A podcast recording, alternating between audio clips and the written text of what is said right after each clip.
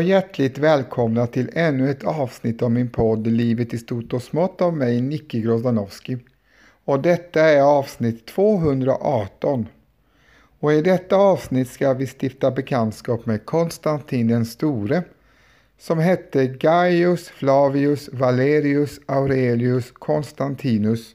Han föddes den 27 februari 272 i Nassaus i nuvarande Nisch i Serbien Död den 22 maj 337 i Nikomedia i nuvarande Ismit i Turkiet. Han var Romens kejsare från att han utropades till Augustus av sina trupper den 25 juli 306 till sin död. Han var ensam kejsare från 324. Han är känd för att ha tillåtit kristendomen i romarriket vilket senare under samma århundrade ledde till att kristendomen blev en statsreligion. Han är också känd för att ha grundat den nya huvudstaden Konstantinopel år 325. Han var son till Konstantinus den förste Klorus och Flavia Julia Helena. Han är i ortodoxa kyrkan helgonförklarad och räknas som Isa Apostlos. Konstantin utfärdade diktet i Milano 313 genom vilket han och hans medkejsare Licinius hävde förföljelsen av de kristna. Han sammankallade konciliet i Nikea 325 vilket inledde favoriseringen av kristendomen på bekostnad av andra religioner i romerska riket och kom att bli avgörande för kristendomens framtid.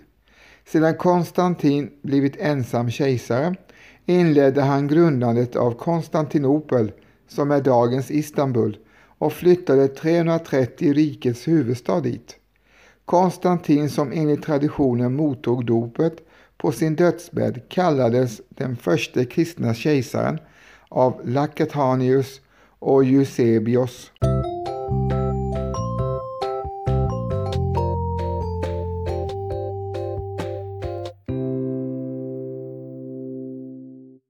Konstantin föddes i Nassius, dagens Nisch i Serbien, som son till Konstantius den förste Klorus av illyrisk härkomst och Flavia Julia Helena som vid tillfället bara var 16 år och dotter till en värdshusvärd. Konstantius övergav Helena 292 för att gifta sig med Flavia Maximania Theodora, dotter till Augustus Maximanius. Theodora gav Konstantin sex halvsyskon, bland andra Julius Konstantius. Konstantin var välutbildad och tjänade vid Dikletanius hov i Nikomedia, där han fungerade som en sorts gisslan efter faderns utnämning till en av två cesarer i Tetrakin 293. Augustus Maximanus abdikerade 305 för att efterträdas av Konstantius Följande år insjuknade till Konstantius under en kampanj mot pikter och skottar i Kaledonien som var romarnas namn på Skottland. Han kallade Konstantin till sig och avled i Eboracum som är dagens York i England den 25 juli 306. Konstantius trogne general Krokus av alamanisk börd och dennes lojala trupper utropade Konstantin till Augustus. År 307 slöt Konstantin en allians med Maximanius och gifte sig med dennes dotter Fausta. 310 försökte Maximanus stötta Konstantin men misslyckades och tvingades begå självmord. Konstantin lät mörda Fausta 326 tillsammans med sin son Crispus. Enligt Eusebius av Caesarea ska Konstantin inför slaget vid Pons Mulvius 312 har sett de grekiska bokstäverna chi och rå, de första bokstäverna i Kristus, på himlen tillsammans med orden I detta tecken ska du segra. Genom att förse sina soldaters sköldar med ett labarum, ett Kristusmonogram, gick han sedan segrande ur striden. Genom sin seger över Maxentius i slaget blev Konstantin kejsare över Västromska riket. Därefter konsoliderade han sin militära överlägsenhet över rivalerna i den sönderfallande tetrakin.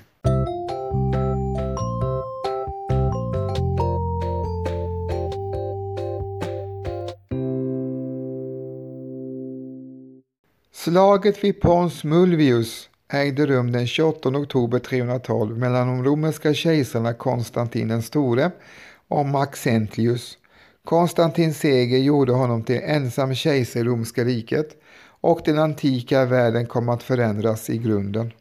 Den direkta orsaken till sammandrabbningen var den fem år långa konflikten mellan Konstantin och Maxentius om kontrollen över Västromska riket. Konstantin var son till den västromske kejsaren Konstantius den förste Chlorus som avled den 25 juli 306 varpå hans trupper utropade sonen till kejsar Augustus 28 oktober samma år. I Rom var dock Maxentius son till Konstantins företrädare Maximanius favoritkandidat till tronen. Tetrakin, det romerska systemet med fyra kejsare, garanterade inte att Konstantin, som var son till Konstantius, fick ärva den västromska tronen. Båda tron pretendenterna fortsätter att göra anspråk på titeln, även sedan ett möte 308 utsett Maxentius till högste kejsare tillsammans med Gelarius. Konstantin tillerkändes bara den lägre titeln Caesar och makten över Gallien och Britannien. Redan 312 hade dock osämjan vuxit till en öppen konflikt trots att de båda blivit svågrar genom Konstantins giftermål med Maxentius syster Fausta. Konflikten berodde mycket på Maximanius. Denne hade tvingats avsäga sig kejsartiteln då hans medkejsare Diocletianus abdikerade 1 maj 305. Maximanius förrådde både sin son och Konstantin i sina ansträngningar att återta makten, men avrättades av den senare 310. Då Galerius avled 311 återupptog de två tronpretendenterna maktkampen.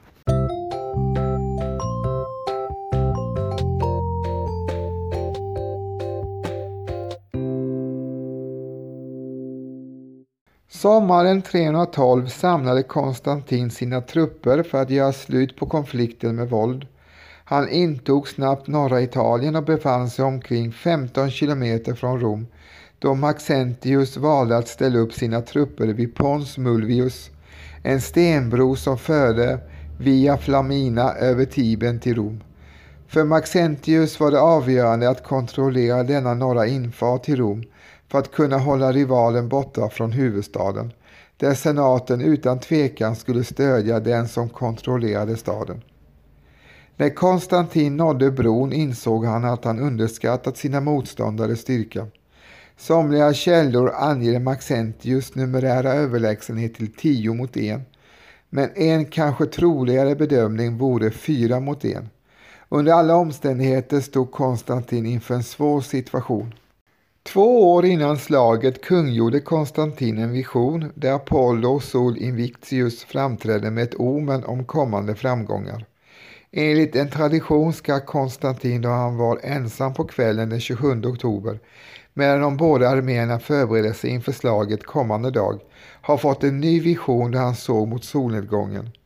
Enligt Eusebios av Caesarea ska dock denna vision ha inträffat då Maxentius armé fortfarande befann sig i norra Italien. Visionen ska ha bestått av ett kors på himlen tillsammans med bokstäverna X och P. De grekiska bokstäverna Chi och rå, de första bokstäverna i Kristus, som alltså betyder Kristus på grekiska. Tillsammans med frasen I detta tecken ska du segra, på latin In hoc signo vinces Konstantin som ännu inte var kristen ska ha låtit sina soldater bära symbolen på sina sköldar och instiftade senare ett standard med detta Kristusmonogram, ett så kallat labarum, ovanför ett baner med initialerna IHS V som han förde i strid omgivet av 50 handplockade legionärer. Följande dag drabbade arméerna samman Konstantin, som redan gjort sig känd som en skicklig general, började pressa tillbaka Maxentius trupper mot Tibern och Maxentius såg sig till slut tvungen att dra sig tillbaka för att upprätta nya ställningar utanför Rom. Emellertid var bron den enda reträttvägen och Maxentius trupper led svåra förluster. Då en pontonbro kollapsade blev många retirerade trupper strandade på flodens norra sida och blev antingen tillfångatagna eller dödade.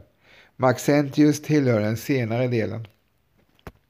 Konstantin gjorde sitt intåg i Rom strax efter slaget och utropades till ensam kejsar Augustus över Västerromska riket. I öst regerade dock ännu Maximanius Daja och Licinius.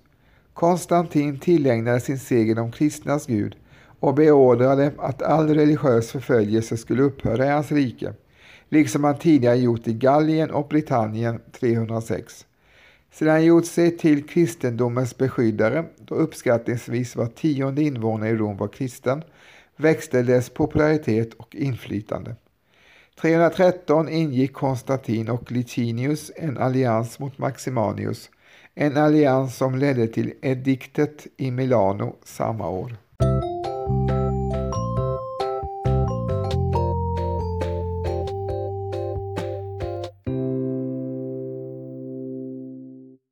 Den östromske kejsaren Licinius hade förbundit sig till trosfrihet genom ediktet i Milano 313 och 320 återkallade han den trosfrihet han förbundit sig vid och började på nytt förfölja de kristna.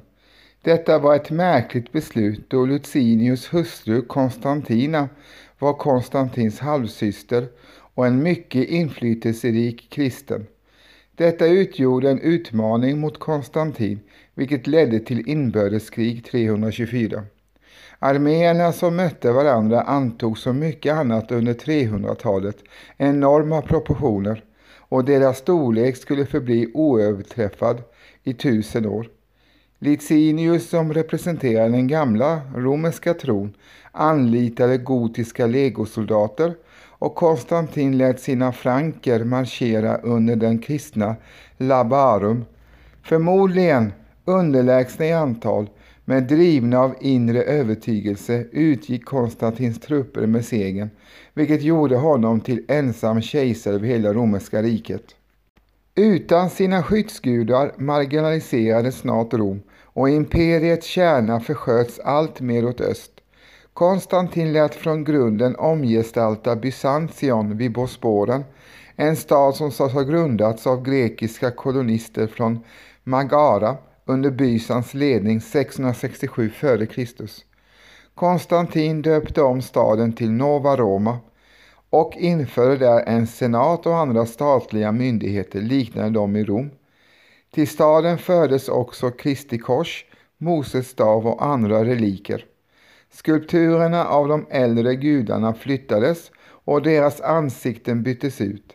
Afrodites tempel ersattes av den nya apostlakyrkan. Flera generationer senare sades en ängel som bara Konstantin kunde se ha lett honom till platsen och också visat honom var stadens murar skulle uppföras. Staden döptes efter Konstantins död om till Konstantinopolis, Konstantins stad, det vill säga Konstantinopel, dagens Istanbul, och blev med tiden rikets huvudstad.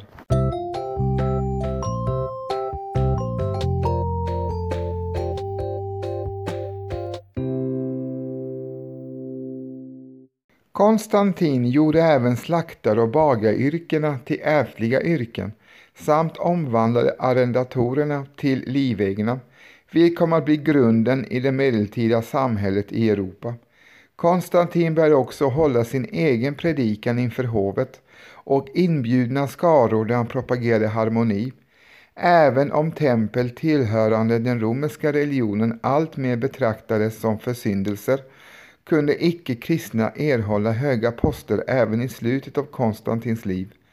Armén, som kunde åberopa kejsarens absoluta makt, lät i sina fåfänga försök att konvertera människor med traditionell romersk tro recitera Konstantins latinska böner. Konstantins påbörjade också ett ambitiöst byggnadsprogram i det heliga landet. Prästerskapet som blev allt mäktigare och rikare och lockade många lyckosökare tog över domstolarna. Som kristen kejsare uppfattades Konstantin som god, vilket återspeglar den brutala tid han levde i. Överbeskattningen straffades fortfarande med döden. Fångar fick inte längre hållas i total mörker utan måste få dagsljus och frisk luft. Dömda kunde möta döden på arenan men fick inte längre brännmärkas i ansiktet, enbart på fötterna. Föräldrar som lät sina döttrar bli förförda bestraffades genom att smält bly hälldes ned i deras strupar. Gladiatorspelen förbjöds 325 men fortsatte likväl under lång tid. Slavägarnas makt begränsades men slavar kunde fortfarande slås ihjäl. För att visa att den romerska lagen fortfarande gällde korsfästes kriminella ännu fram till 337. Det var ännu tillåtet att kasta ut oönskade barn på gatan och de som tog hand om barnen fick behålla dem som sina slavar, men en slavfamilj fick inte splittras. Häxeri, vådlig magi och spådom var olaglig. Ceremonier tillhörande den romerska religionen tilläts bara i offentlighet eftersom de kunde dölja orgier och komplotter om de utfördes vid hemliga möten. Då blixten slog ner till exempel byggnader skulle dessa omen utläsas av en offentlig siare. Flickor fick inte längre inlevereras. Konstantin favoriserande av kristendomen ledde också till en antijudisk politik som blev föregångare till förföljelsen av judar under medeltiden. Konstantin hyste stor respekt för bildning och kristen tro. Hans hov av äldre väl ansedda män bestod till två tredjedelar av icke-kristna, trots att inflytelserika romerska familjer som inte accepterade kristendomen inte medgavs ledande positioner.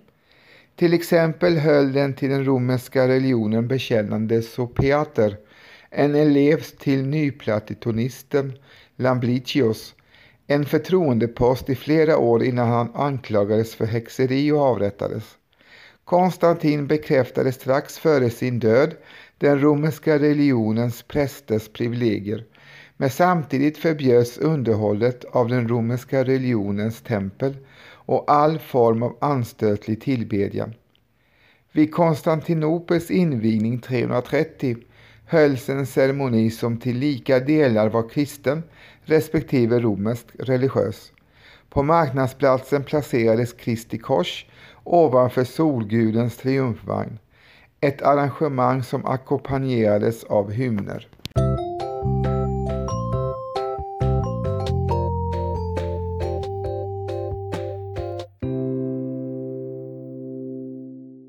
Sitt epitet den store fick Konstantin av kristna historiker långt efter sin död, men han hade kunnat göra anspråk på det bara genom sina militära bedrifter.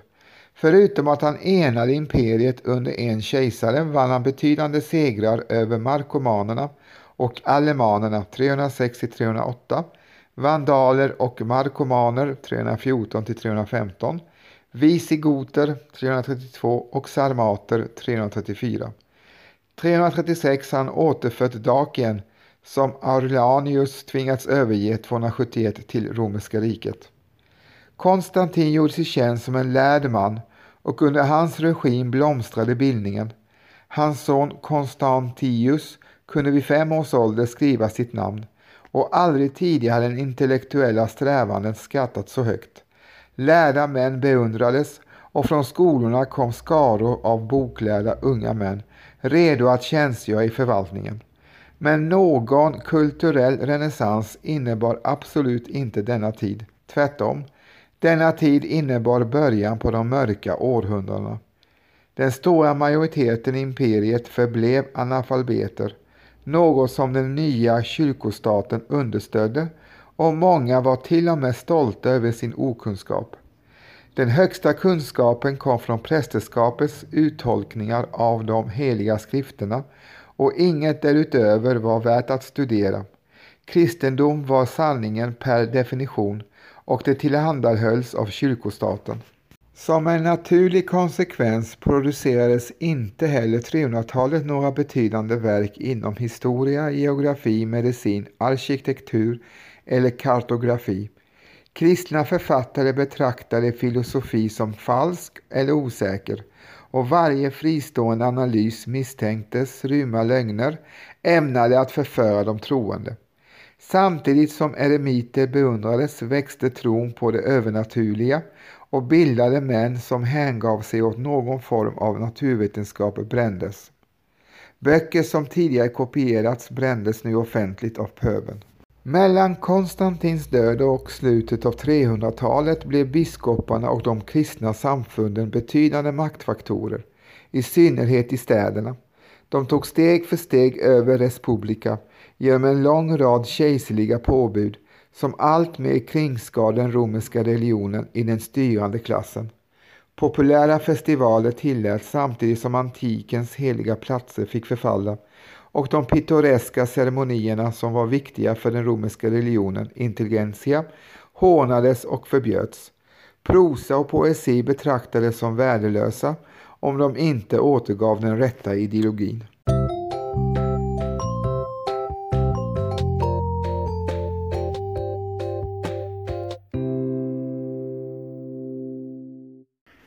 Konstantin förberedde en större offensiv mot Persiska riket, en erövring som ingen kejsare sedan Trajanus tid, han var kejsare mellan 98 och 117, övervägt och som hade gjort slut på de persiska räderna i de östra provinserna när han plötsligt insjuknade. Han mottog dopet av den arianiske biskopen Eusebius av Nikomediam som lyckades behålla positionen som biskop genom sin vänskap med Konstantins syster strax innan avled den 22 maj 337 i Nikomedia som är dagens Izmit i Turkiet.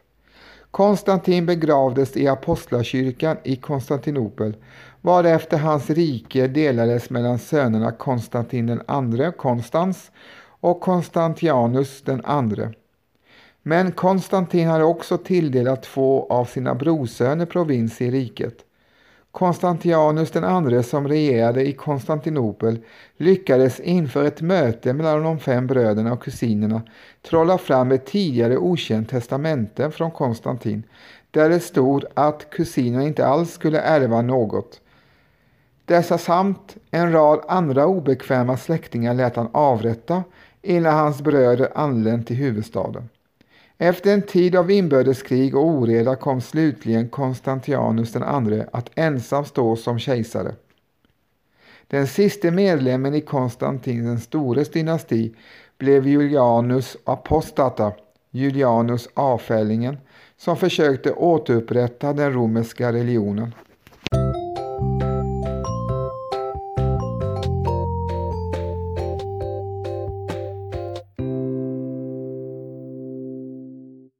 Konstantins religiositet är omdiskuterad. Trots hans fromma handlingar under senare delen av livet har hans ofta syndfulla agerande gjort att hans kristna övertygelse ifrågasatts, inte olikt Augustinsius tidiga utsvävningar. Konstantin är framförallt känd som den första romske kejsare som erkände kristendomen.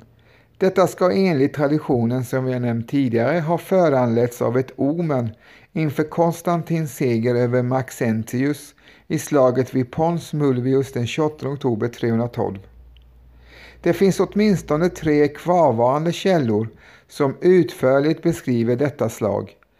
Lactantius de mortibus prescuretorum om förföljarnas död, Eusebius av Caesarias lovprisade biografi Vita Constantini och Sosimos historieöverskrift Historia Nova från 500-talet efter Kristus som nämner ett antal ugglor som segens förebud. Men historiska källor från denna tid innehåller mycket magi, omen och förbannelser men erbjuder desto mindre källkritik och källangivelser. Dessa källor kan sägas återspegla den misstänksamhet mot det skrivna ordet och högre bildning som gjorde sig allmänt gällande under 300-talet.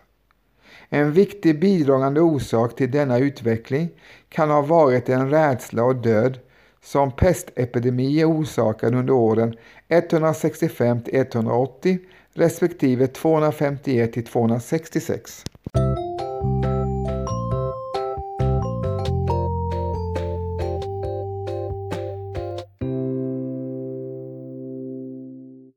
Kristna historiker har sedan Lactantius hållit fast vid ståndpunkten att Konstantin antog kristendomen som en sorts ersättning för den officiella romerska religionen. Den så kallade konstantiniska donationen bevisades på 1400-talet vara ett falsarium från 800-talet men hade då under flera sekler accepterats som ett historiskt dokument som bevisade romerska rikets omvändelse till kristendomen.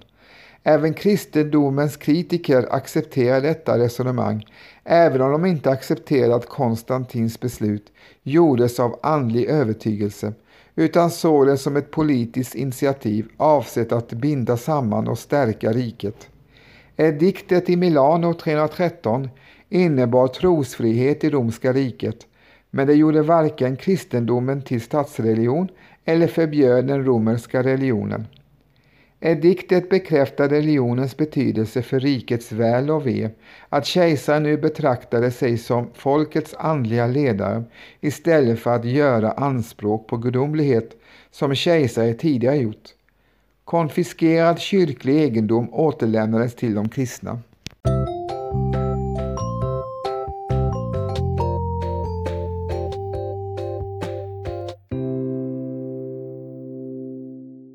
De bronsmynt som kejsarna lät slå berättar ofta om den ikonografi som de omgav sin person med.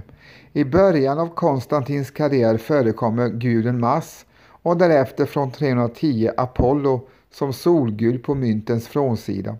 Guden Mars brukar associeras med tetrakin och tjänade i Konstantins fall syftet att legitimera hans maktanspråk.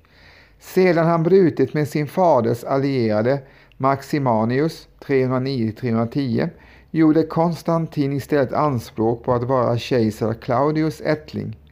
Enligt Historia Augusta ska Konstantins farmor Claudia ha varit dotter till Crispus som i sin tur ska ha varit bror till Claudius och Quintilius, ett släktskap som allmänt tros vara humbug. Claudius gjorde Apollo Sol Inquitius till sin skyddsgud i mitten av 310, två år före segern vid bron i Milano, kungjorde Konstantin offentligt den vision där Apollo Sol Inquitius framträdde med sina omen om framgång. Frånsidorna på de mynt han lät slå under följande år bar inskriptionen Soli Invictio Comiti tillsammans med Apollo, solguden, Helios med Gloria och jordgloben i sin hand. Under 320-talet försågs även Konstantins porträtt med en gloria. På andra mynt framträdde Apollo på en triumfvagn på kejsarens sköld och den kristna Chiros-symbolen på Konstantins hjälm. Och 321 förbjöd Konstantin allt sekulärt arbete på den vördnadsvärda solens dag.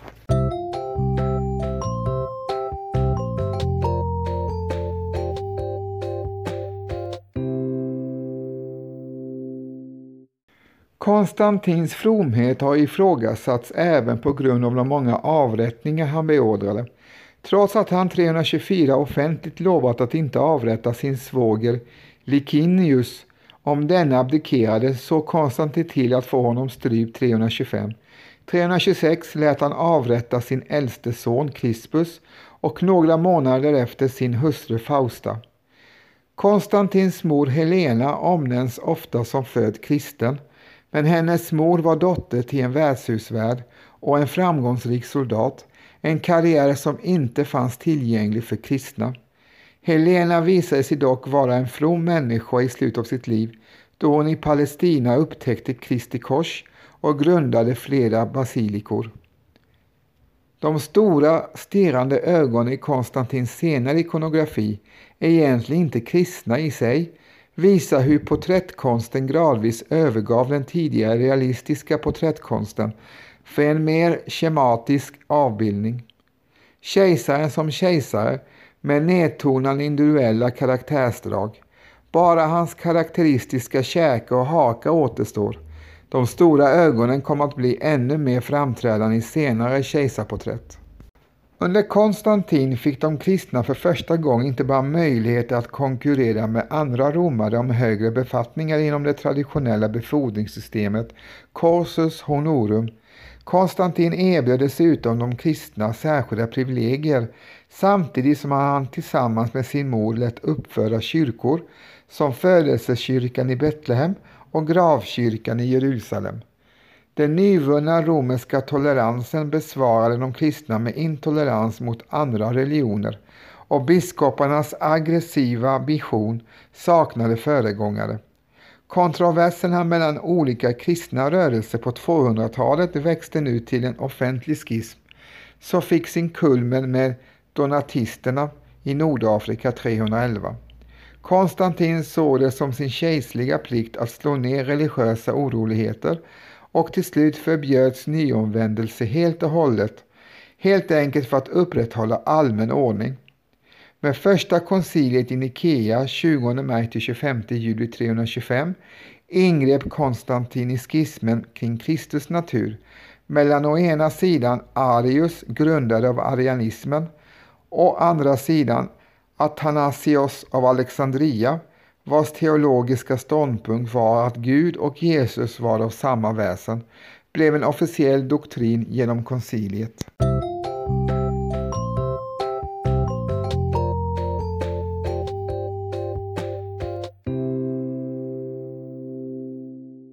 Kristendomen var inte särskilt populär bland romerska legionärer eftersom den även accepterade kvinnor och många legionärer bekände sig därför istället till gudarna Mitras och Isis.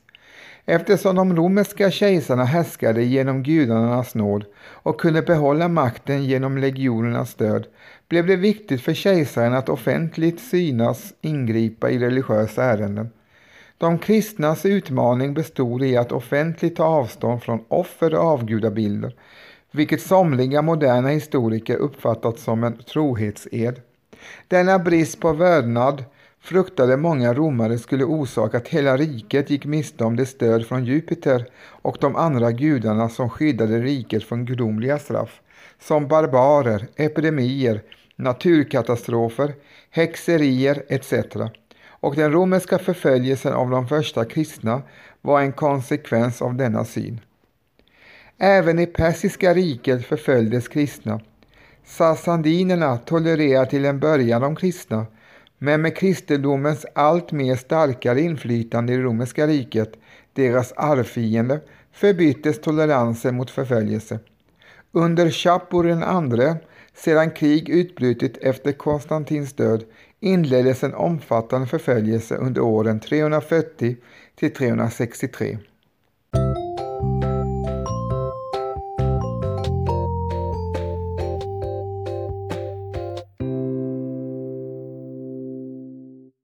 Pretoriangardet av latinets cohortes pretoitarie var de romerska kejsarnas livvaktsstyrka.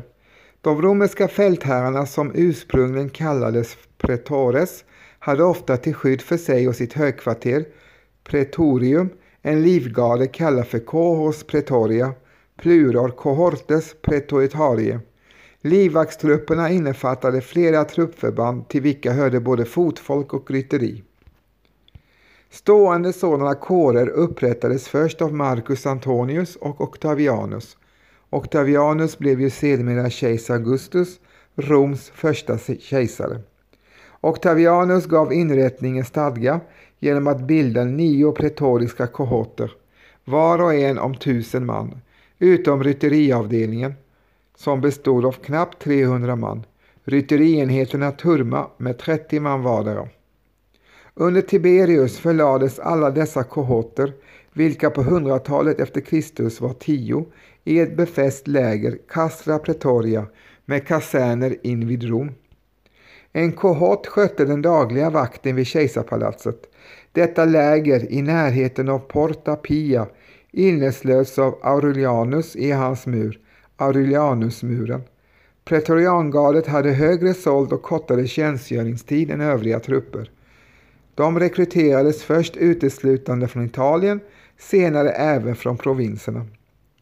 Pretorianernas gynnande ställning och tjänstgöringen i eller vid huvudstaden gjorde dem till en makt i staten, varför också befälhavaren, prefecti pretario, blev en av samhällets mest betydande män. Kejsarna försökte ofta, särskilt genom frikostiga gåvor, vinna pretorianerna för sig, vilket ledde till upprepande militärrevolutioner. Deras fräckhet nådde sin höjdpunkt när de år 193 e.Kr. utbjöd kejsartronen på auktion. Septimus Servus lät sedan upplösa dem och bilda ett nytt garde. År 238 e.Kr. mördade gardet kejsar Balbinus.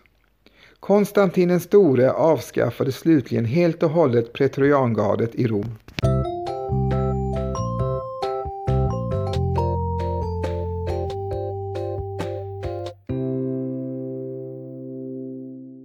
Ja, detta var alltså historien om Konstantin den store, romarrikets första kristna kejsare.